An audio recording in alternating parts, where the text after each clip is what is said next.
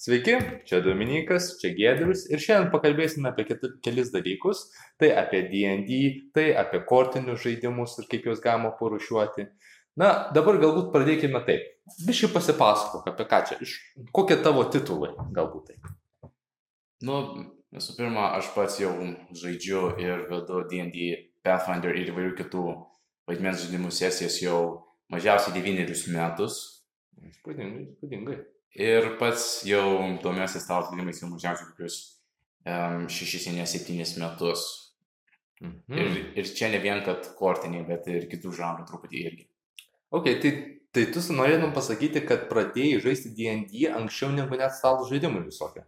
Uh, techniškai taip, nes, nes ta prasme, RPG visados prasideda anksčiau, nes tu esi anksčiau susipažydintas per kompiuterinius žaidimus.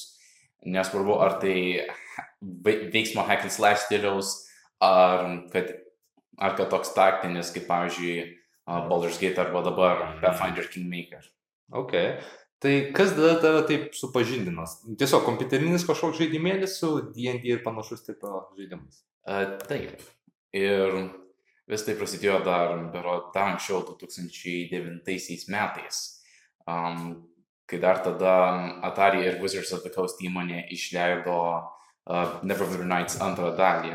Okay. Ir tada daug kas tikėjosi, kad um, žaidimas, kad žaidimo elementai visai pagerės ir kad um, nekartos tų pačių sisteminių trūkumų, kuriuos turėjo jo pirmoji dalis. Mhm. Aš, aš, aš esu truputį žaidęs beros ant PlayStation 2. Mm, Tai visai, man visai patiko, tik, tikras toks, nu, RPG žaidimėlis, tikrai tu turi stiprią tokią sistemą. Tai jis tave kažkaip, tu žaidėjai ir užsinorėjai pažaisti kažką tokio su draugais? Ar kaip? Mm, dar buvo iki tol, kad, galė, kad galvočiau pradėti žaisti kažkokį rimtesnį stalo RPG žaidimą. Uh, kiek vėliau per tą visą dviejų laikų, atsiprašau, dviejų metų pauzę, bu- buvau du kartus dalyvavęs fantastikos grupės rengimuose RPG fiestose. Aha. Fan, fan, biškiai įsiterpsiu, fantastikos grupė, kas čia per dalykas toks? A, tai, yra, tai yra viena iš senų grupių, kuri labai užsiema įvairiais RPG žaidimais vos ne per visą Lietuvos, ne Baltijos regioną. Mhm. Didelė organizacija, jie, jie kažkaip pakvietė, ar tu suradai ją tiesiog... Buvau suradęs iš tikrųjų. Ok, ok. Ir dar tenais paskatino tave pabandyti tuos ir rimtesnius žaidimėlius. Taip, ir tada buvo, ir tada pirmi du, pirmas dvi sistemos, kurias buvau bandęs tada, tai uh, buvo Pathfinder pirmasis leidinys ir Cyberpunk 2020-ųjų, tai yra antrasis leidinys. Ok, tai o kodėl būtent įsirinkai nuo tų pradėti? Nu,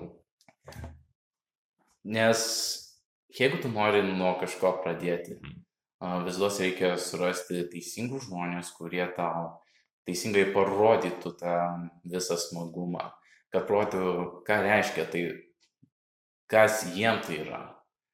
Ir kodėl būtent tau norėtųsi prisijungti prie to viso. ok, tai tiesiog buvo tiesiog žmonių kažkokiu, kurie tave, nu, taip, tiesiog sakė, davai, einam, prisidėsim ir pažais kažkas tokio. A, ne, nes tada, ne, nes pirmiausia reikėjo užsiregistruoti į dalyvavimą, aišku. Ui, jau rimtas, rimtas. Ir aišku, aš tada dar buvau naujokas, nežinau nei vienos iš tų žaidimų sistemų pak- pakankamai gerai. Bet pradėjau po truputį suprasti, kas manęs laukia, tai truputį reikėjo pasiruošti, pasiskaityti bent bazinės taisyklės, kad išeitų viskas. Nu, ok, ok, nes, nes būna čia, kad kartais ateina, matau žmonės, tai visai nieko nepasiruošę žaisti D&D ir panašiai. Tai... To- Todėl, todėl, nes, todėl nes dažniausiai DM daro vieną kritinę klaidą. Nedaro nulintosios sesijos vadinamos. Nu gerai, papasakok, kas ta nulintoji sesija, kažkaip skamba labai rimtai. Dalintoji sesija tai yra kaip pristatomoji sesija į visą uh, patį, patį, pačią kampaniją, kurioje tu žaisi. Tai supažina žaidėjai, tai dėmes supažina su žaidėjus, kokia bus tiksliai istorija ir kas vyks um, per šitą kampaniją. Ko labiausiai tikėtis, ko jie tikisi, ko jis tikisi iš žaidėjų. Mm. Ir visos par, ir tuo pačiu vyksta pirmasis personažo kūrimo etapas. Nes visos bus tų atvejų, kad tu kaip žaidėjas um, nežinosi kažko tiksliai. Ir tada bus tų dalykų, kad turi pasiklausti demo. Mm, ok. Ir, ir gaunasi taip, kad pat tą nulintą sesiją kaip ir nežaidžiat, tiesiog pasiruošėt visi savo player šitus ir panašiai. Su, susi, susipažinam, ži- susi, susipažinam um, labiau įsi, įsisavinam informaciją, kurios mums reikia, kad žinoti, Mhm. ko tikėtis. Ir būtinas taisyklių apibūdinimas, kaip tu kuri personažą, ką tu gali naudoti kuriant personažą ir ko būtent vengti. Ok. Ir kaip matau, mano idėja, aš, aš esu gal vieną kartą DM'inės, tai pats DM'as pamato tos veikėjus ir gali pagal tai istorijas pakeisti, pakurti ir pam- pamodifikuoti. Taip, da, taip, tai mes galime padaryti tai, kad um, įvelti, įvelti kažkokius į- įvykius susijusius su personažų istorija. Nes tai yra vienas iš esminių dalykų, kad būtų tas tinkamas vadinamas personažo vystimasis. Hmm, ok.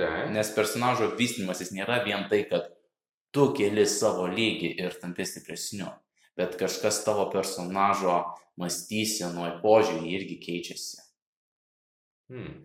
Ir gaunasi taip, kad tu, kai pasiruoši visą šitą dalyką, tu ne tik, kad, nu, aš nežinau, kaip demai daro, bet įsivaizduoji tie geresni dar ir kažkaip pasiruošia visokių įvykių į ateitį.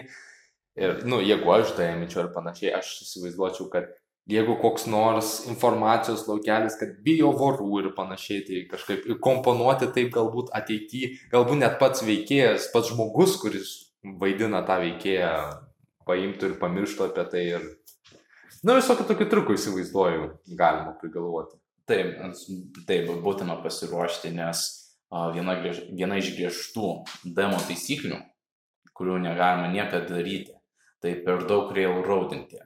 Ir railroadinimas tai yra, kad vedi, vedi žaidėjų personažus per pagrindinę istoriją tik tai. Ir maži, mažai arti nieko. Um, žaid, ir, ir, ir mažai arti nieko personažai daro kažkokius antrinius dalykus, kurie yra nesusijęs su um, pagrindinė istorija. Ok, ir tada ateina vienas iš tokių, gan sakyčiau, svarbių dalykų. Kaip tu randi balansą, kur nereal rodinti, bet ir kur leisti, nu, žmonėms daryti, ką nori, bet ir biški sekti istoriją tavo norimą ir panašiai. Um, pirmiausiai, pirmiausiai yra sesijų formatas. Uh, negali, daryti, negali daryti tai, kad um, kaip ant kompiuterinio žaidimo, kad tu keliauji per tą visą kelią nuo, nuo taško A iki taško B be jokių įvykių. Uh, taip, ne, taip yra nepatartina. Vis tiek um, bus tų akimirkų, kai personažai tos grupės uh, norės kažką pasakyti vienas kitam arba kažką jie ruošis savo tai visai kelioniai. Tai yra vienas iš dalykų, kuris padeda apsaugoti tai. Antras, nedaryti, nedaryti jokių uh, tiesioginių vedimų per pagrindinį istoriją.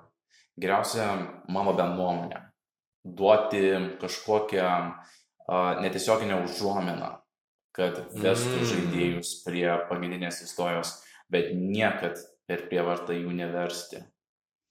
Nes, kaip minėjau, nes yra toks dalykas, kad žaidžiant vaidmens žaidimus tai nėra vien pagrindinė istorija, kad tu praeini ir personažai irgi rūpi, jiems irgi reikia pasireikšti. Mhm. Nu, aš, aš įsivaizduoju, kad galbūt kai kurie DM-ai net tiesiog, na, pa, pamiršta, kad tai nėra vien tik tai jų istorija, kad veikiai irgi kūrė tą istoriją. Ir, nu, aš ką norėčiau pasakyti, kad ar gerai supratau, kad kai sakai, kad nedaryti nuo A iki B kažkokios tam tikros istorijos, tai daryti, kaip pats minėjai, sesijomis, kad vienai sesijai sugalvoji kokią nors istoriją ir panašiai, ir po to jau galvoji, kaip toliau ganas. Uh, ne, Ne? ne, tai ką minėjau turiu, kad um, sesijos, visada daryti sesijas, bet netemti gumas ant tiek, kad vesti žmonės per pagrindinę istoriją. Nes pats dabar žaidžiu vienoj, vienoj kompanijoje ir, nu, aišku, jinai dabar vyksta kokius 2-3 metus, bet ir priežastis. Wow. Taip, Jo. bet, savai, bet savaitė, kartą į savaitę po keturias valandas. Mhm. Ir, na, aišku, buvo pertraukų, bet esmė tame, kad negali vesti žaidėjų vien tik per istoriją. Nes, pavyzdžiui, pirmasis skyrius visos kampanijos, kurią mes ėjome, kiek aš skaičiavau, truko apie 4-5 mėnesius. Nes buvo, nes aišku, mes turėjome tikslą jau nurodytą nuo pagrindinio asmens, su kuriuo bendradarbiavom, bet um, visada būdavo tų kitų dalykų, norėjome, kuri, kuriais norėjo mūsų personažai įsireikšti. Hmm. Ok. Dabar aš norėčiau paklausyti tavęs, ne? Buvo ta nulinta sesija, tu žinai, kas yra per veikėjai, ko jie truputį norėtų iš istorijos ir panašiai. Sėdi namo prie kompiuterio ar, ar galbūt net prie bražybų kokio nors stalo. Ir kaip tu sugalvoji kokią nors campaigną? Kiek, ant kiek detaliai sugalvoji? Pirmiausia, pirmiausia priklauso nuo to, kur, kokio, kokį pasaulį aš pats noriu naudoti. Mhm. Jeigu naudoju pačio leidėjo išleistą pasaulį, Mhm. tai tada aš nelabai daug ką keičiu jame. Ką nebent pakeičiau, tai patį, kompanijų, patį kampanijos formatą. Ne tai, kad, um, ne tai, kad kokį leidėjį mums parduoda, kad um, vienas Adventure Pathas trūka šešių knygų, trūka šešių skyrių um, etapą. Mhm. Ir vienas chapteris vienai knygai, aišku. Bet esmė tame, kad visada susižiūrėti, ko tau reikia. Ir turi kartais net pasiskaityti tą visą pasaulio lorą, jeigu tu žaidi su, žaidė, nu, su įmonės išleistų turiniu. Okay. Tai būtina žinoti. Ir vienas dalykas, jeigu darau savo kažką, tai pirmiausia vis dėlto reikia susikurti pasaulinį žemėlapį. Mm, na, ja. Ir pasaulinis žemėlapis, taip, būna tas gazinantis dalykas, bet jeigu žinai, kaip apeiti jį, naudodamas kitoms, kitom a, žemėlapių kūrimo sistemom, tai nebus tada toks um, vargas arba pragaras, kaip aš mėgstu sakyti. Kaip būtent šauna tau sugalvoti žemėlapių pasaulio? Ko, kokį tu žiūrinėjai galbūt kokius nors Europos ten žemyną ir panašiai, ar tiesiog pasaulį apverti kažkas panašaus. Vieną tokį įdomų variantą mačiau, kur žmonės panaudojo Marso žemėlapį, nu, Marsą kaip planetą, tik kad jeigu būtų vandens ir panašiai tenais. Tai tas labai fainas, man atrodė. Taip, čia, taip, čia yra tas vadinamas improvizavimas, kad uh, naudoji Marsą kaip juodraščio. Tiksliau, ne tik kaip juodraščių, o kaip, o kaip tapetų paveikslų piešti. Mhm, labai poetiška. O, bet taip, būna, įvai, būna įvairių įrankių, kurie leidžia tą padaryti tą žemėlapį, bet um, kai aš žiūriu, kai aš pats bandau daryti žemėlapį, um, nelabu, bandau tiesiog įsižiūrėti, ko maždaug um, tikėtis ir kokį formatą labiau bandyti daryti. Aišku, dažniausias formatas tai yra tai, kad um, daro pagal tikro pasaulio geografinę sistemą klimato atžvilgiu. Ok. Komponuoji visus ten klimato sąlygas ir panašiai. Taip. A, aš įsivaizduoju, kad tu dar, jeigu koks, koks nors veikėjas sakė, kad jis gi- gimęs ten dykumoje ir panašiai, tą irgi komponuoji ir taip, va, tokius dalykus. Taip, Nu, būtinai reikia, im- nu, ne tai, kad priverstinai būtina, bet būtina kaip esminių dalykų. mhm. A, kaip sakai, dažniausiai pats kaip ir iš galvos šauna, ar naudoji kokius nors įrankius, dar ten interneto žinoma, manos, kad jie yra, tipo, kuriejai automatiškai svetainės kažkokios tokios dalykus. Um, priklauso, priklauso ką būtent. Jeigu, jeigu padarai uh, tiek humanoidiniai, tiek, um, tiek vadinami gyvuliniai. Um, tai visų pirma priklauso, nes da- dažniausia dalis tai, kad naudojosi um, pačiu visų RPG loro turiniu, kuriame jau surašyti padarų visos statistikos ir būtent pagal tai naudojosi. Ir tai čia dabar galvoju, kaip veikti tos visokius NPC, visokius panašiai, kur ar pasaulį labiau žemėlapį. Čia bendrai viskas. NPC padarai irgi eina į pasaulio kūrimo kontekstą. Visai logiška, taip, taip.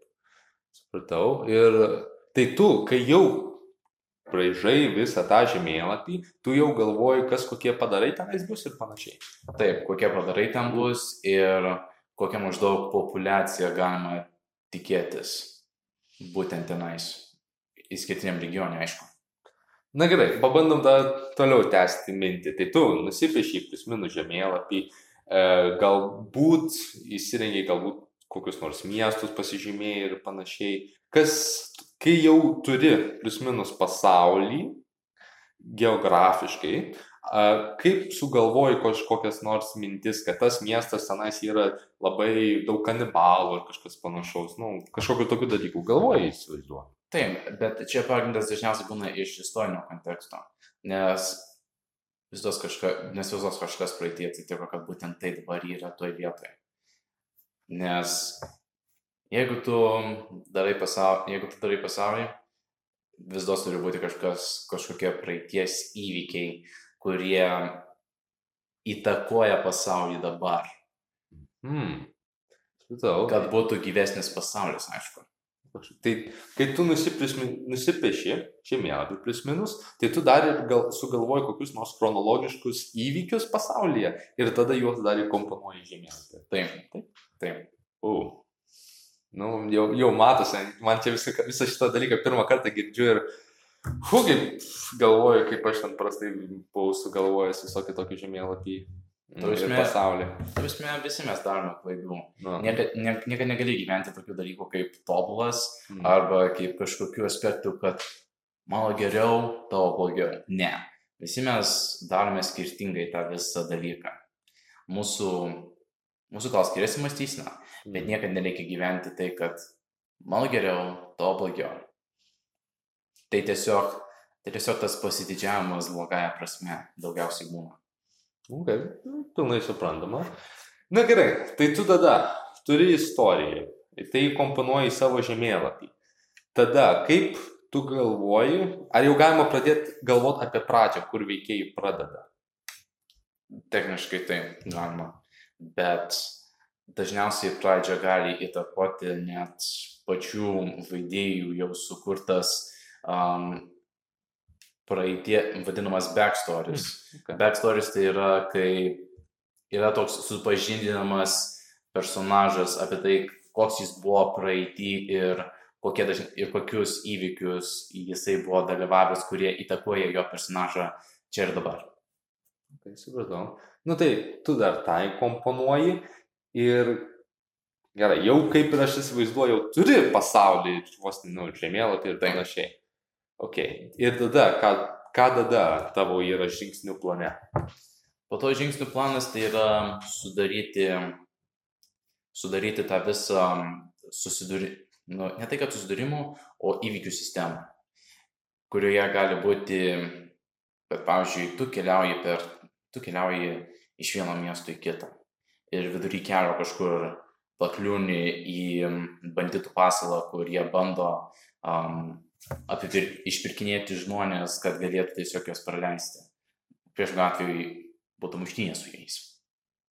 Hmm. Bet tai čia dabar, ar čia jau kai šitas dalykas, kai tu paskui, atsiranda jau pirmoji sesijoje, ar čia dar tik tai, kad va, ir tu tada pradedi, šitas veikėjas pradeda užgrobtas tų banditų ar kažkas panašaus. Viskas, iš karto prasideda visas, pasa, vis, visas pasaulis pradeda veikti su kampanijos pradžia. Tai sakant, jau tas žaidėjas jau pradeda įveikių kažkur vidury. Taip, norėtum? Taip. A, supratau, irgi gera idėja. Ir tada kiekvienam veikėjui padarai, kad jis kažką jau veikia ir panašiai. Ir tada, ar aš gerai galiu suprasti, kad pagaliau žaidėjai gali prisėsti prie stalo ir pradėti žaisti. Taip. Nu, supratau. O va dabar norėčiau paklausti, ne? Taip gaunasi, kad pačią pirmą sesiją neteina vienas žaidėjas Kaip, tu tai, kaip tavo strategija pakeis, pakeis, pasikeičia? Um, priklausomai nuo to, kaip, kokia yra priežastis, kad tas žaidėjas mhm. negalėjo ateiti. Jeigu negalėjo ateiti, kad susirgo, tai tada mūsų modernios technologijos dėka mes galime padaryti taip, kad, virt, kad jis prisijungtų virtualiai mm. per webkamą. Okay. Bet jeigu jau kažkas rimtesnio, kaip um, kaip pavyzdžiui, jis išvažiavęs kažkur arba atsitiko kažkokia nelaimė, kad jisai negali pakliūti, tai mes tiesiog uh, bandome atidėti sesiją kitam laikui. Nes viena, nes viena irgi iš dabartinių uh, demo griežtų taisyklių, tiksliau ne, ne vien tai, kad demo, o kampanijos, nepalikti nei vieno žmogaus.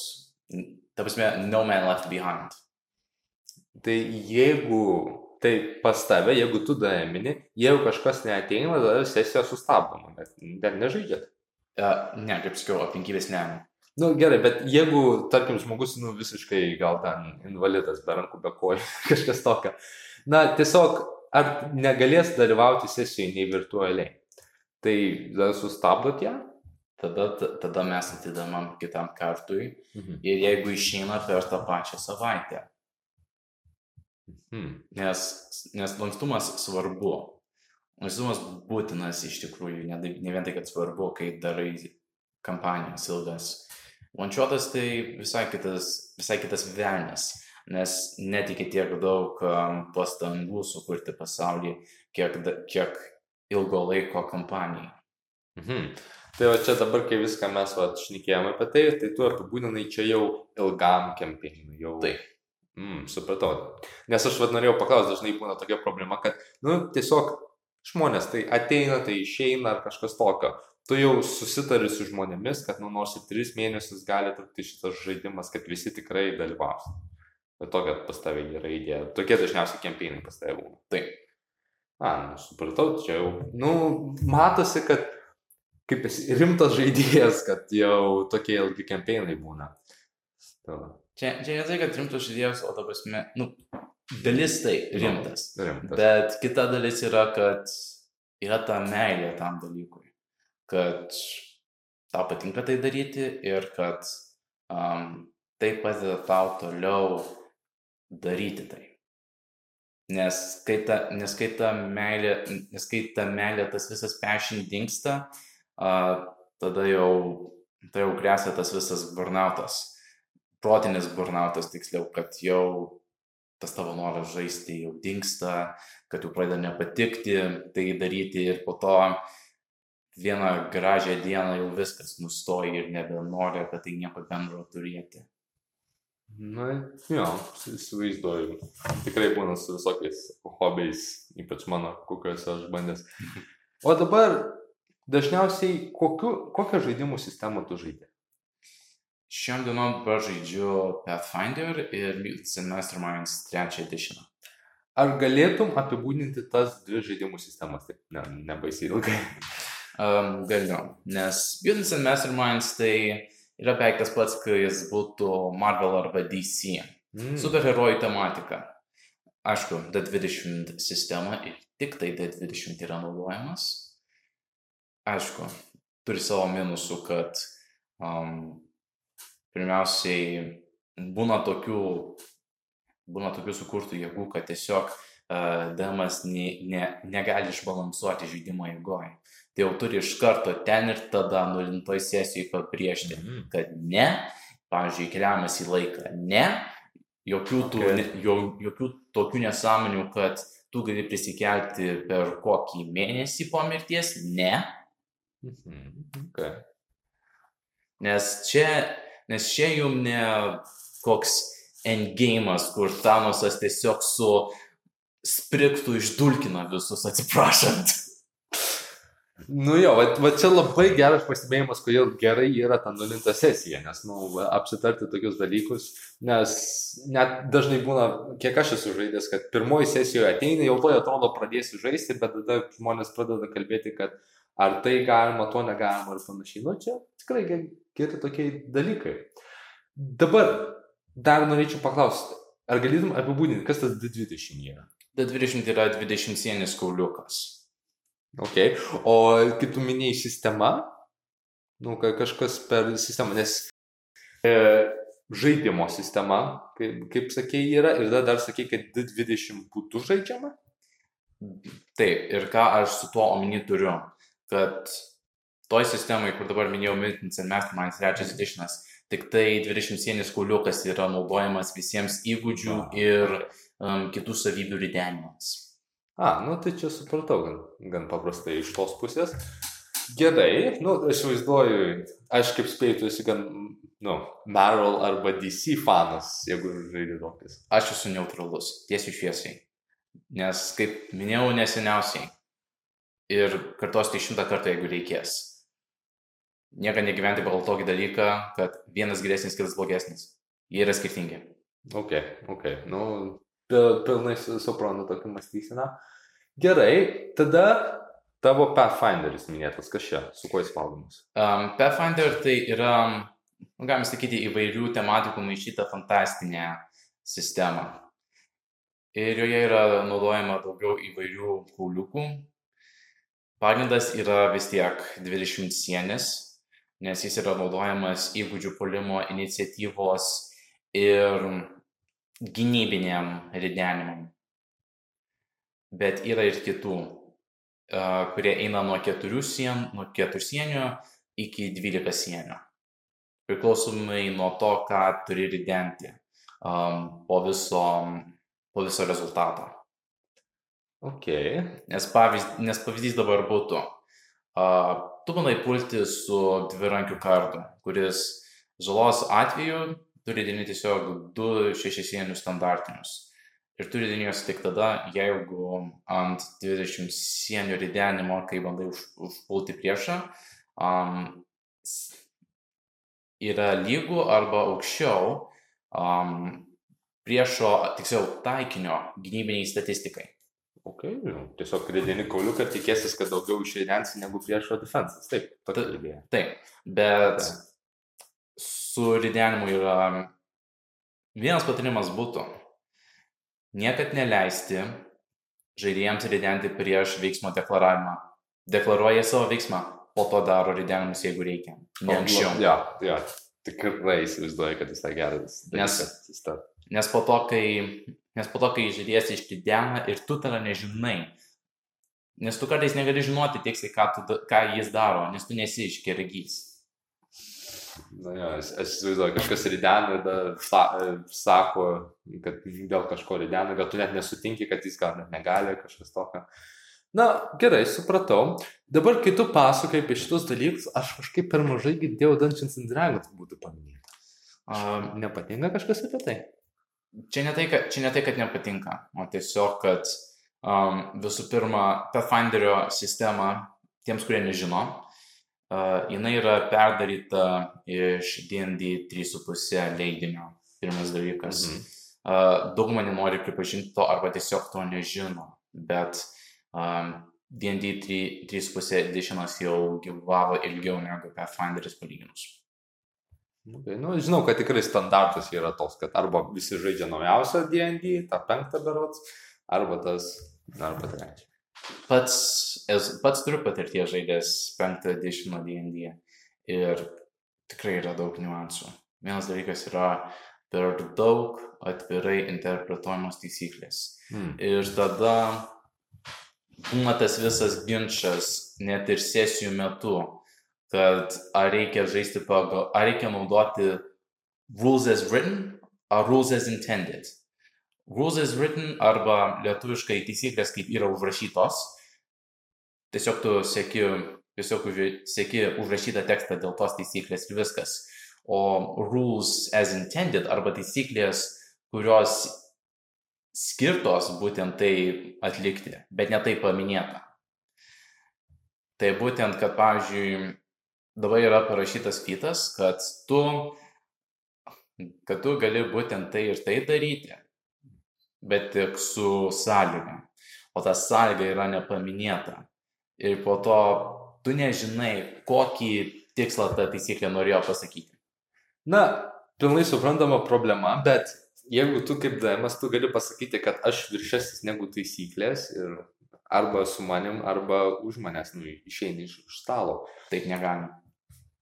Taip negalima elgtis. Tai tiesiog, ats, nu, atsiprašau, kad pertraukiau, bet na. tai yra, tai yra vadinamas nacijų elgesys, taisyklių nacijų elgesys. Tu, ne, tu, negali, tu negali daryti taip, kad tu niekada negali gyventi tokiu mąstymu, kad tu esi demas ir tu esi viršesnis. Visi esame lygus. Niekas nėra aukštesnis už taisyklės. Hmm. Nes tiek aš kaip demas turiu paisyti taisyklės, žaidėjai irgi turi lygiai vertiškai paisyti taisyklės. Ne vienas nuo to nėra apsaugotas. Bet, ne, bet nereikia daryti tai, kad surykštė priverti visus paisyti taisyklės. Nes tu ir save tada taip darai. Ar tu vienas iš tų, kad tu turi savo demo ekraną, tai tiesiog kažką, kas užstoja tavo visus dalykus. Ir, nu, tu, pavyzdžiui, turi nuspręsti, kad kažkiek tenais monstrų atsiras, ridini kauliuką ar kažką panašaus. Jeigu tu išridini per mažą skaičių arba per didelį, ar tu tiesiog sakai, a, ignoruoju ir savo skaičių pasirenki. Ar fadžini savo rolls. Roll fudžinimas, atsiprašau, bet čia jau ne. Jeigu, jeigu, tu jau, jeigu tu jau darai tą, tu susitaikyk. Nes labai, nes tu prasme, tu negali, negali tiesiog keisti visatos į tai, kaip tu nori, kaip tu sakai, fudžindamas rollus. Tai yra, kad nepaistai savo ridenimo rezultatą. Ok, bet man tiesiog, kad aš girdžiu, aš, jeigu aš, pavyzdžiui, Damas, tarkim, aš esu kaip savo visatos karalius, kad im, aš galiu padaryti kaip tik tai noriu. Na, suprantu, kad galbūt pagrindinės taisyklės galbūt, nu, nelaužyti, bet, na, aš nesu prieš tą rodinimų fadžą ir idėja tokia, kad ar sutiktum, kad priklauso nuo demo ir žaidėjų, e, kad jie gali žaisti labiau kaip jie nori. Ar tai labiau mažiau taisyklių sekimas, tenais savo prisigalvojimas, tas pats homebrew, savo taisyklių susigalvojimas. Nu, čia nuo žaidėjų įsivaizduoju priklauso. Ta prasme, taip. Tai yra jų perspektyva, tai yra jų laisvė rinktis. Aš, pavyzdžiui, pasirinkau laisvę niekad nepriimti trečios šalies medžiagos. Ir trečios šalies medžiaga arba third party material tai yra tai, kas yra sukurta, bet ne pagal oficialų sistemos, kur, pagal oficialų sistemos leidėją. Mhm.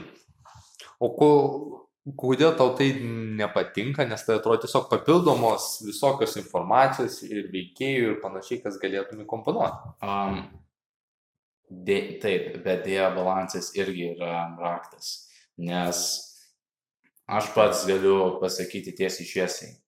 Buvo viena, buvo viena kampanija, kurie buvo labai bjauriai nebalansuota trečios šalies knygą pristatytą į žaidimą. Ir jie tiesiog padarė tokį bjaurų veiksmą, kaip davė visiems burt, nu, kaip čia labiau pasakyti, burtų skleidžiantiem stiliaus personažam vidurinį pirštą. Nes, nes tokie labiau, kurie su fizinė jėga sprendžiantys personažai, iš to jie labai um, įsipelno, nes buvo tokia nebalansuota manevrų sistema, kad aš tiesiog negalėjau leisti savo žaisti arba priimti net tokio dalyko į savo kampanijas daugiau gyvenimo. Ir kartais toks vienas triggeris gali pakeisti visą nuožiūrą į trečios šalies, um, mm. į, į viso, visą trečios šalies turinį. Hmm, bet ar aš galėčiau tai, kad tu įsibandęs ne vien tik tai tą dalyką, nu, kad esi galbūt daugiau įsibandęs tų modulių ir panašiai? Įda, galima taip sakyti, bet niekad, kad, bet niekad, kad sujungti su originalia sistema. Nes, pavyzdžiui, iš Pathfinderio vien pusės yra, dvi, yra du skirtingi moduliai, kurie yra vėlgi trečios šalies turinys. Tenais jau ir tai yra esminė skirtinga sistema, kurios niekad ne, aš asmeniškai bent nepatarčiau su, kitais, su, su kitom sistemom arba modeliais jungti. Nes tada gaunasi visa ta maišykla ir po to nežinai, kur tiksliai žiūrėti dėl informacijos. Mhm. Nu, gerai, supratau idėją. Aš tiesiog, kad galvočiau, ar tu žiūri teisingose vietose, ar, nu, ar nebūna tai, kad kitų žmonių idėjas, nu, tai yra, kitų žmonių reiting, reitingus pasižiūri tos, to modulio ir panašiai. Turi pats persiskaityti. Idėja tokia, kad daug žmonių skiriasi nuomonė. Taip, turi, turi, pats, turi pats pamatyti tai. Nes ką kiti sako, kiti sako. Mm. Gal, gal ir duoda insightą kartais, gal ir ne. Bet galiausią verdiktą padaryti gali tik tada, mano manimu bent, kai tu persiskaitai tą visą turinį. Ir tada, mhm, mm užsibrėži, kas, kas yra teisingo, kas gerai su ta, su ta visa materija, kas ne. Nu, va, tai aš matau, kad tu žinai, ko tu nori, galbūt aš taip galėčiau pasakyti. Ne. Aš, aš žinau, ko reikia, kad, aš žinau, ko reikia, kad žaidimas būtų stabilesnis. Ok, va. Na, ja, aš manau, panašiai. Nes ką nori ir ką reikia, yra visai skirtingi dalykai. Mhm. Gerai. Dabar norėjau po tavęs paklausti. Turim visą tą sesiją, pačią pirmą, jau pasaulis yra, žaidėjai žaidžia ir panašiai. Kiek dažniausiai pas tave būna žaidėjai grupiai? 4-5. Ir kai taip pasakai, ar daugiau neįleistum žaidėjų, nenorėtum komponuoti daugiau žaidėjų? Aš negaliu, ta prasme, čia ne tai, kad negaliu su leisti, o reikia žiūrėti, kad galėtum leisti žaidėjams įsireikšti. Nes, hmm. pavyzdžiui, kai, nes, pavyzdžiui, kai yra 7 arba 8 žaidėjai, tu negali visus sužiūrėti taip atsakingai. Nu, tu negali būti kaip žiūrėtas, aišku, bet kai tiek daug žmonių yra, tada gaunasi tokia paliava, kad nežinai, kur tiksliai eiti. Nes pats buvau kaip žaidėjas vienoje vietoje.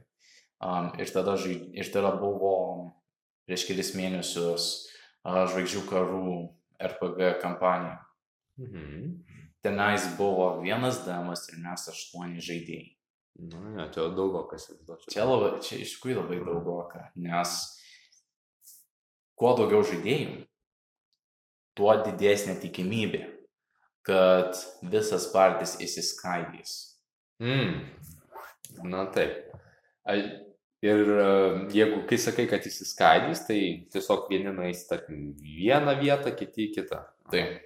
Ir kaip tu žongliruoji savo žaidėjus, kaip tu juos pačiupi ir kad ar tai stengiasi, kad visą laiką kartu būtų, ar kažkaip stengiasi, kad minutę tam, minutę tam žaidėjai. Jeigu, jeigu, jeigu labai kažkur gausiai kažkur įsisklaidė, pavyzdžiui, jau jie iškeliavo į kitus regionus, tada, dar, tada jau viskas, juos suskirstų į atskiras sesijas. Nes daryti tokį dalyką, kad valanda jiems, po to valanda jiems. Tai vos ne tas pats, kaip um, dabar žiūrėtum žvaigždžių karus. Vieną, vieną, akimirką, vieną akimirką matai visą scenarijų su Anakinu Skywalkeriu, po to persikėlė į kitą sceną, pavyzdžiui, su kokiu Jabba the Hutt. Aha, ir, ir tau tiesiog nemėgsti šokinėti tarpų scenarijų. Taip, Mhm. Tai, bet tai gaunasi, kai keturi, penki žaidėjai, tu stengiasi, kad jie visi visą laiką kartu būtų. Ne, um, ne, ne, tai, kad, ne tai, kad stengiuosi priverstinai juos laikyti kartu. Jie, jie, jie, jie vis, tiek, vis tiek turi teisę. Pavyzdžiui, mm -hmm. pavyzdžiui, kad, pavyzdžiui, kad ir būna, kad jie patys nusprendžia, kaip žaidėjai, kaip personažai išeiti kartu. Vienas iš dabartinių pavyzdžių, pat, kuriuose pats buvau žaidėjas. Um, mano personažas norėjo įsi, įsireikšti savo galimybės arenoje ir sudalyvauti. Kiti trys žaidėjai, jie, jie galvoja, mhm, bus gera proga ir bus gera proga pastatyti už ją ir laimėti gerą kiekį šaibų. Mhm. Arba pinigų, jeigu mūsų, jeigu žargonai trigerina. ok. Ir kas dar buvo? Reikėjo laukti vieno žaidėjo, kol jis žaidė? Ne, ta prasme, mes Ta prasme, gavosi taip, kad taip, aišku, buvo visas tas, visa kovos fazė. Mhm. Ir nors pats, pats mano personažas dalyvavo kovoje, kiti trys vis tiek buvo susirūpinę, kad įvyks kažkoks diversavimas arba bandymas pakengti um, pačiai kovai. Tai jie tiesiog nusprendė padaryti taip, kad jie irgi dalyvavo kovos fazėje, bet a, vis tiek turėjo pasyti pačias arenos taisyklės. Niekas negali kištis į kovą. Ok, tai ar kažkas buvo blogai tiems žaidėjams, kad tie, grinai jau žaidėjai, net ne tiek, kad jie, jiems buvo pakankamai įdomu tiesiog žiūrėti, kai kitas tenais kovoja ir panašiai. Ne, čia ne tai, čia ne tai reikalas, o tiesiog, kad um, aš jiems, aš jiems, nes, ta prasme, taip, pats norėjau, ta prasme, pati mano, pats mano personažas norėjo įsileikšti, bet jie pasinaudojo tą progą, kad jie patys negalėtų, kad nesidėtų ir bent patys turėtų Ok. okay. kažkokią veiksmą. Nes tame yra reikalas. Nors, nors ir jūs, nors ir nesusisiekėt tiesiogiai, bet vis tiek Mm. kažkaip turite tą telepatiją, kad bandyti laikyti vienas kitą. Dar to labiau, jeigu patys žaidėjai um, gerai sutarė vienas su kitu. Mhm. Nu, dabar, dabar jo paaiškinai, suprantu, kad visi, nors ne visi kaip ir žaidžia, bet visi yra įsi, įsi, įsijauti į žaidimą ir panašiai. O čia, čia tikrai geras pastebėjimas, supratau. Gerai, ir dabar po biški vyksta, baigėsi, nu tarkim, žai- žaidžiat ir baigėsi pirmoji sesija. Tu nueini namo, grįžti, prisėdi, atsikvėpi ir kaip toliau kuri savo kempeiną, ar kaip toliau eskaluoji dalykus, ar tai tiesiog tiesi dalykus. Um, pirmia, pirmiausia, priklauso nuo to, kiek laiko buvo praėję per tą, per tą sesiją. Nes aš niekad nedarau, aš asmeniškai niekada nedarau tokio dalyko, kad um, surašyčiau visą įvykių pokytį uh, sesijos metu. Atsisėdu, pasi, susirašau um, visus apdėtus tų įvykių, kurie vyksta. Mhm. Ir po to, aišku, tipinis savai, savaitės poilsis ir, su, ir grįžti atgal į gyvenimą, bet kartais nuo karto vis tiek pasižiūriu, ar viskas tvarkoja. Um, ir vis duos peržiūriu į savo vadinamą atmintukę, kad, žinot, Mm. kad jau žinočiau, koks yra progresas ir kad žinočiau, nuo ko tęsti sesiją, kai, kai mes baigiam ankstesnį, nu, nuo ko kampaniją tęsti um, po ankstesnės sesijos galo. Okay. O tu tą atmintukę jau vos ne tą pačią dieną užsirašai, E, ar, ar tai galė sesijos, kas vyksta, kad kitą sesiją atsimintum, kas įvyko ir panašiai. Priklauso, pirmas dalykas priklauso nuo to, uh, kokiu dienos metu vyko ta sesija. Jeigu vėlai vakare, Mm. aišku, kad ne. Geriau palsėti būt, ir būti žvaliam ir tada daryti tai, Mhm. ne anksčiau. Bet jeigu kokią mm, rytą popietę, tai tada tik tai grįžęs namo ir vis dėlto bandau užsibriežti, aš asmeniškai bent, um, užsibriežti bent vienos valandos laiko limitą. Nes jeigu tu duosi da, savo per daug laiko, tada tu būsi kaip Homeris. Per visą tą stresą plėšysi savo plaukus nuo galvos. Supratau, tai tu sakant, save limituoji, neleidi per daug įsiplėsti tarp sesijų. Nele, neleidžiu savęs per daug spėsi per sesijų ir um, jeigu, jeigu aš su žmonėm bendradarbiausies, jeigu, su, jeigu su žmonėm bendrausies metu, su jais ir bendrauju. Visas, visus tos, visas antraštės ir kitą galiu namie pasidaryti. Mhm. Okay. Ir dar minėjai, kad vos ne atnaujini savo įvykius, kažką tokio. Taip. E, tai tu tiesiog nuo prieš tai žinai, kad kažkus, kažkas vyksta kažkur užkulisiuose ir tu kažkaip užsirašai, kad pakito kažkas toj situacijoje. Taip. Ok, ar gal gal kokį nors pavyzdį turi, kokį nors sukto dalyko, ko žaidėjai net nepastebėjo, o kad tu vis trekinai ir vystysi koks nors dalykas. Um, gerai. Uh, pavyzdžiui, pavyzdžiui, buvo vienas eventas, um, kuris dar, aišku, jiems yra nepasiekiamas, bet grupė, bet didžioji armija iš šiaurės jau ruošiasi prasiveržimą atgal į, kaip aš mėgstu vadinti, Devilandą. Ir a- aš pavadinęs tai dėl to, nes tada, buvo, nes tada būtent buvo uh, viena iš vietų, kur absoliuti tironija egzistavo ir ar, arba tu turėjai viešpatauti Asmodijusą, arba busi, arba busi pasmeigtas ant didžiausio iešmo per visą miestą. Ir būsi kaip žinia, kad, nepaklu, kad kas atsitinka tiems, kurie nepaklūsta tironijai. Ok, ok, tai toks tironiškas baisus pasaulis pas tave. Ne, ne, ne, ne, tik tas regionas. Ai, nu atsiprašau, tas regionas, gerai. Ir kas tenais vyko tada, tokio užkursiuose? Um, sep- septintą dieną jau armija ruošėsi mobilizuotis ir keliauti. Um, po to 14 dieną jau armija buvo kažkur ketvirčių kelio, bet buvo praradę dalį savo žmonių dėl, dėl pasalų. Mhm. Tai idėja tokia, kol tu fiksavai dienas, kol žaidėjai žaidė, jie galbūt ką nors kito darė, bet tu visą laiką tas armiją vis, nu, vis arčiau, arčiau tikslo judinai ir panašiai. O tu kaž, kažką minėdavai, kad tenais armija, kad, kad kokie nors uh, laikraštį ten girdėjo, kad armija po biški juda ir panašiai. Ar tu priminiai žaidėjams, ar pasakojai apie tai? Um, pirmas dalykas. Čia, pirmas dalykas tai yra viduramžinė fantazija. Ir tu vis tiek- Nu, jo. Ir tu vis tiek turi paisyti ta, tuos eros apribojimus.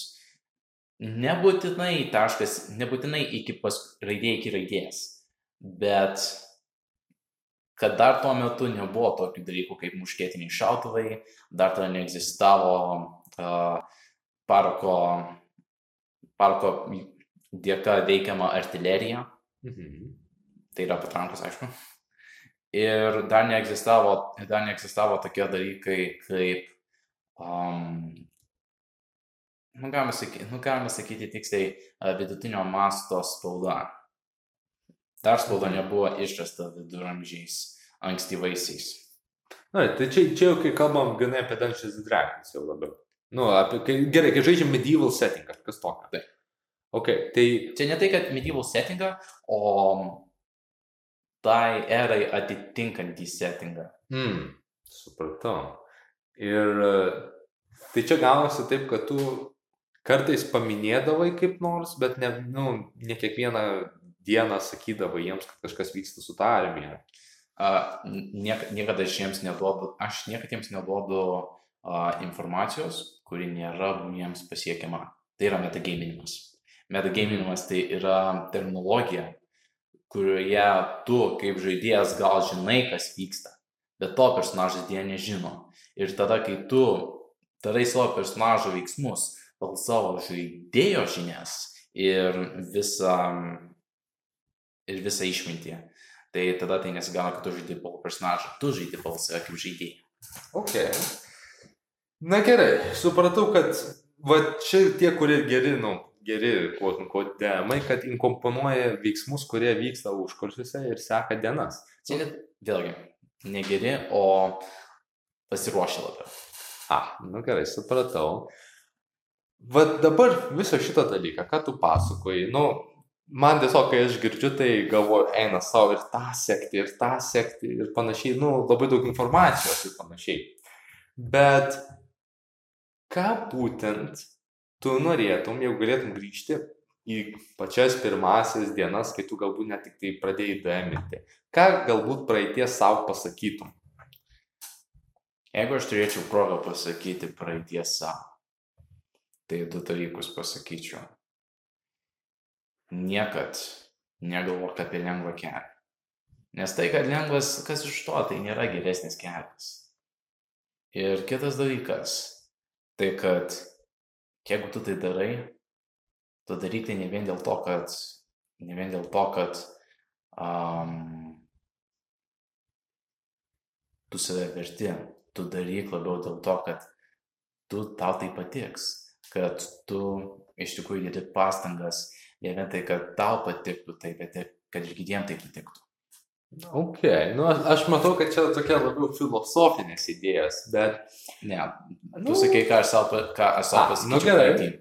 tikrai taip, nes aš, aš tiesiog kad galvočiau, kad jeigu aš grįžčiau ir aš daiminčiau, tai sakyčiau, kad gerai, nu, kelios tokios pagrindinės taisyklės, stengtis per daug, e, nu, leistis žaidėjams patiems truputį daryti, ką nori, e, leisti, nu, padaryti tą nulintą sesiją. Nu, galbūt išėtų tau tiesiog išvardinti tas kelias pagrindinės taisyklės, kurias mes va taip pabiškai išnekėjom. Iš, išeitų, išeitų, bet vis tiek. bet vis tiek tos gyvenimo pamokos irgi būtinos. Nes nesvarbu, kad ir kiek tu esi patyręs, kiek tu laiko esi vedęs sesijas, tiek vienai, tiek kitai grupiai, vis tiek esi žmogus. Ir tiek, tiek, kurie žaidžia, irgi yra žmonės. Mhm.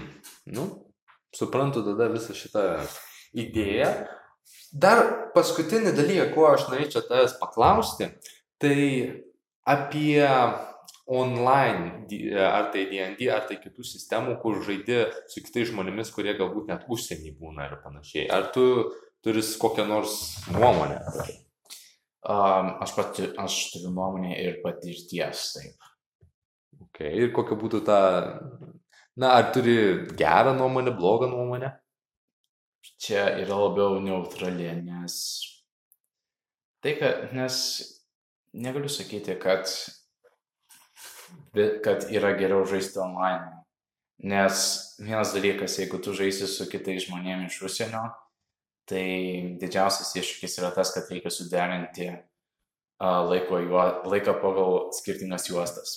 Pavyzdžiui, mes dabar gyvename um, Greenwicho laiko juostoje dviem valandom į priekį.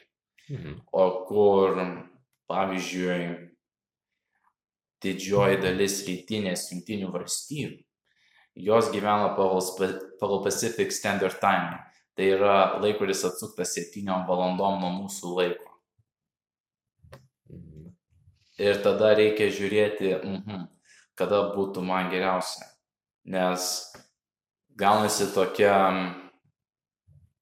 gaunasi toks tarpas tada, kad žaidėjams yra geriausia, jeigu tokiu pavyzdžiu dabar būtų tai pagal mūsų laiką būtų nuo, sep, nuo, šeši, nuo 7-6 vakaro iki kokio vidurnakčio. O kur tiems gyvenant būtų kažkur nuo 9-10 ryto iki 3-4 dienos. Na taip, nu, kaip, kaip suprantu, su laiku suderinimu ir panašiai būtų problemų. Pirma vieta.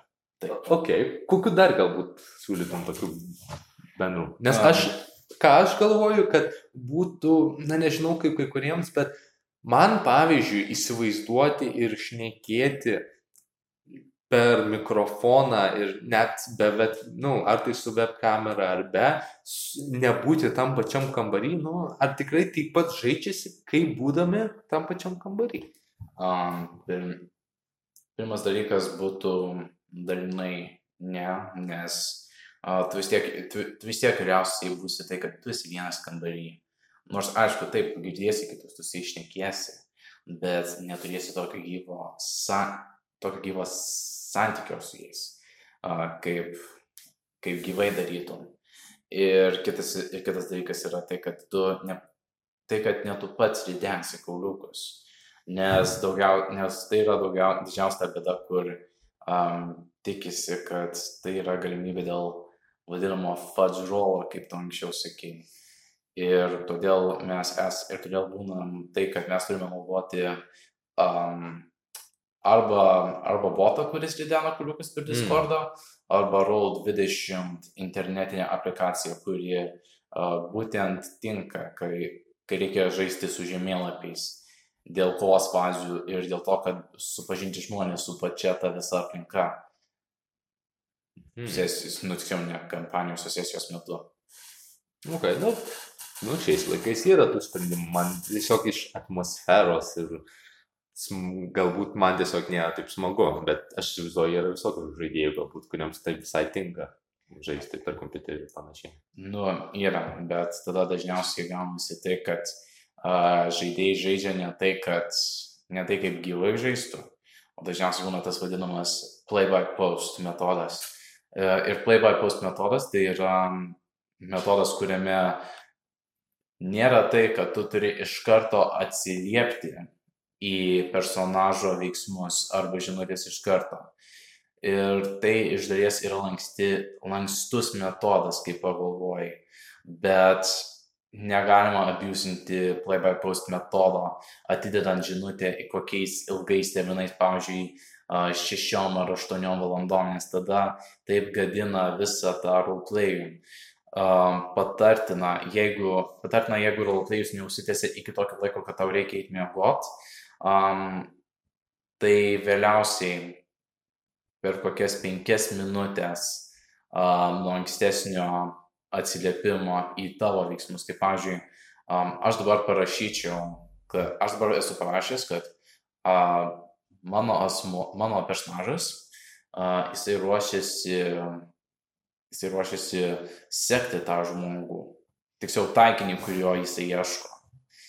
Ir o, nebūtinai iš karto atrašys, nes vis tiek turi parašyti, bet už kokių, sakykime, 50 minučių atrašo uh, atsiliepimą ir atsiliepimą į tavo veiksmą ir kas ir ką gal gali padaryti kažkas um, to eigoje.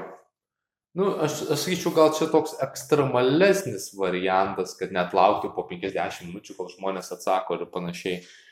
Bet, nu, supratau, man čia patinka visai ta idėja, kad gal, jeigu tau kažkur reikia trumpam išeiti, tu gali pasakyti, kad veikėjas kažką darys ir tai komponuoti be žaidėjo pačio. Supratau. Dabar kaip ir dar kažką norėtum paminėti iš tų pagrindinių taisyklių, kurių mes čia, nu, kaip D minimo, ko galbūt mes nekalbėjome dar. A, taip, pirma, manau, gal nebuvo minėta, bet jeigu buvo minėta, tai bus kartonis, bet vis tiek. Um, niekad nebuvo taisyklių nacijų. Niekad. Nes tai yra vienas iš toksinių aspektų, kuris tiesiog greičiau sugadins kampeiną. O taisyklių nacijų, tai sakai, kad sekti grinai pagal taisyklės ar kad daryti kaip nori? Taisyklių nacijos yra, kad, kad sėki pagal taisyklės ir kad uh, nėra ginčių. Ir kad nebūtų ginčių apie tai. Ir, bet prieš tai minėjai, kad, nu, prieš tai minėjai, kad geriau yra daryti pagal taisyklės. Taip, bet neversti. Ta prasme, nedaryti taip, kad, um, pavyzdžiui, pavyzdžiui, tu, pavyzdžiui, bet čia yra dvipusis reikalas tiek demai, tiek žaidėjai. Pavyzdžiui, dabar esu atlikęs veiksmą, bet dėja taisyklės, bet dėja taisyklės netai buvo padarytos.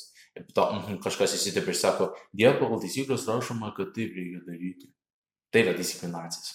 Mhm. Nu, kaip suprantu, tiesiog reikia rasti balansą tokį tarp grinai sėkimo taisyklių ir nesėkimo. Čia ne tai, kad sėkimo taisyklės, o, ne, o nevaryti taip, kad um, būtent tai turi būti. O ne, nes Nestabdyti žaidimą gal taip? uh, stabdymo žaidimas, stab, žaidimas yra ir iš kitų pusių. Um, aš pats ir žaidėjas, ir demas esu susidūręs tokioje situacijoje ir aš galiu tiesiai šviesiai visiems pasakyti, kad jeigu tu darai, kad kai vyksta kovos fazė sesijos metu, ne visose sesijose bus aišku, bet vis tiek, Mhm. niekad neužgaišink kovos. Nes buvo tokių žaidėjų, nes buvo tokių žaidėjų, kurie savo įmą darė 10 minučių, nes visados, tik, nes visados viską per daug klausinėjo. Mano patarimas - planuokite savo veiksmus iš karto, kai ne jūsų įimas. Jums tai padės tiek žaidėjui ir tiek kaip dėmai pagreitinti bent kovą. Žinote, ką iš karto darysite ir mhm, iš karto jau galėsite tai padaryti. Tai yra labai svarbi taisyklė.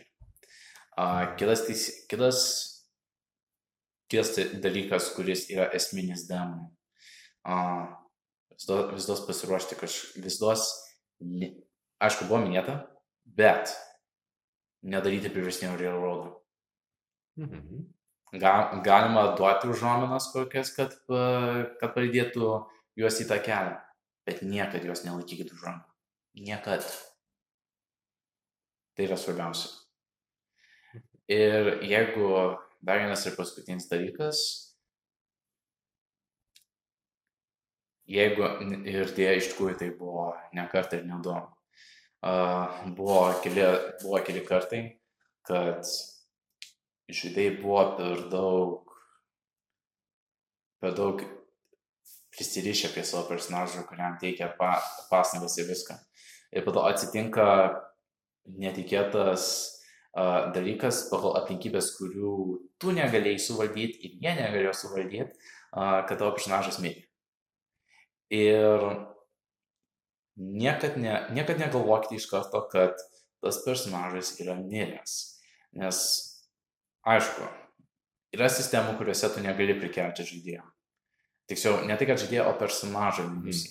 Bet Finderį yra įmanoma prikelti tai bet niekad negalvokite tai iš karto, kad mm, jis miręs ir viskas. Uh, jis turi mirti ir turi kurtis nuo personažą. Jeigu yra patvirtinimas in character, kad tas personažas jau nenori grįžti į gyvųjų pasaulį, tada, tai, tada, jau, galim, tada jau galima galvoti apie naują personažą. Bet um, vis tiek po sesijos kažkada turi susitikti su to žaidėju, kurio personažas mirė ir apkalbėti ir uh, truputį aptarti apie tai, uh, koks tavo naujas personažas bus, ar tu, ar tu nori, kad jis uh, būtų kažkiek susijęs su tavo ankstesniuoju personažu iki mirties ar ne, ir kur, ir kur tas partijas sutiks naują personažą. Okay. Ir tai va, tai čia dar viena tokia taisyklėlė ir, nu, sakyk galiausia, bet manos kurią minėjai ir prieš tai galbūt pakartosi, kad just to have fun. Tipo, ne vien tai. Taip, just to have fun. Ir just to have fun, čia jau yra nerašyta taisyklė, visi turi ją žinoti. Bet vienas griežta, bet vienas iš svarbesnių dalykų iš tikrųjų yra tai, kad, um, kaip minėjau anksčiau, nenaudokite, savo, nenaudokite DM pozicijos kaip autoritetų tik tai save gadinsite, jeigu taip naudosite. Nes a, buvo kelių tokių nuansų, kad ir čia iš Living World campaign, bet ir kitur, bet ir kitose formatuose kampanijų irgi būna. Bet a, buvo, keli, buvo keli žaidėjai, a, kurie tiesiog priverstinai skubina daryti tą roleplayų. Ir tai tada jaučiasi kaip, kad, žaidė, kad tas žaidėjas tiesiog stokina, nors bent jam pasirodo, kad stokinimas. Ir kai, kas, ir kai, ir kai žaidėjas pasiskundžia demui, kad, a, kad, ai, atsiprašau, bet jis mane stokina, tu tiesiog meluoji. Tu tiesiog savo meluoji ir tam žmogui meluoji. Dėl to, nes tu supratai, kad tai stokina, bet iš tikrųjų buvo tai, kad jis paskubino padaryti roleplay. Niekad nedaryti, tai čia yra, bendra, tai čia yra dalis bendro konteksto, kad nedaryti socialiai klaustinų dalykų. Tai šitam pavyzdį e, pats žaidėjas, neveikėjas, Taip. Darė būtent ką tokio blogo, kad jis, jis, jis, jis, ver, jis ta prasme, um, bandė pagreitinti roleplayerus uh, patį visą um, tempą. Ir kitas, ir kitas žaidėjas, su kuriuo jam reikėjo tai daryti, tiesiog mhm. jautėsi nepatogiai. A, supratau. Sakant, žaidėjas bandė kontroliuoti situaciją, kaip žaidimas pats žaidžiasi. Taip. A, nu, supratau. Tiesiog įdomu, kad pavartojai žodį kaip stokinimas. Nežinau, ar taip apibūdinčiau. Matai, tu gal neapibūdintum, kai tu žinai. Bet mm. tas, kas nežino, tas, kas netaip mato tai, gali laikyti kaip stokinimą. Gali laikyti tai kaip priekabėjimą. Ir štai kur dažniausiai būna tas nesupratimas ir po to būna tokių dalykų kaip nesažiningų nušalinimų nuo kampanijos Jeigu yra kažkas, jeigu yra kažkas, pasikalbėkit su tuo žmogum, nes sesijos metu. Neimkite jokių kaltinimų steigių. Ir tiesiog įsiaiškinkite, kame reikalas. Tada bus aiškesnė nuotrauka ir tada bent bus teisingesnis sprendimas, ka, kaip atsakyti į šitą bėdą. Nu, Aš norėčiau pasakyti, kad su tokiais žodžiais, manau, šiandien ir pabaigsime šitą, nežinau, podcastą, nes, nu, labai graži pabaiga buvo. su tavim reikės kitą kartą susitikti ir pakalbėti apie kort, kortinius žaidimėlius ir kaip tu juos rušiuoji. Bet, nu, norėčiau pasakyti, čia buvo Dominikas, buvo Gėdrius ir iki kitos susitikimų prie žaidimų stalo.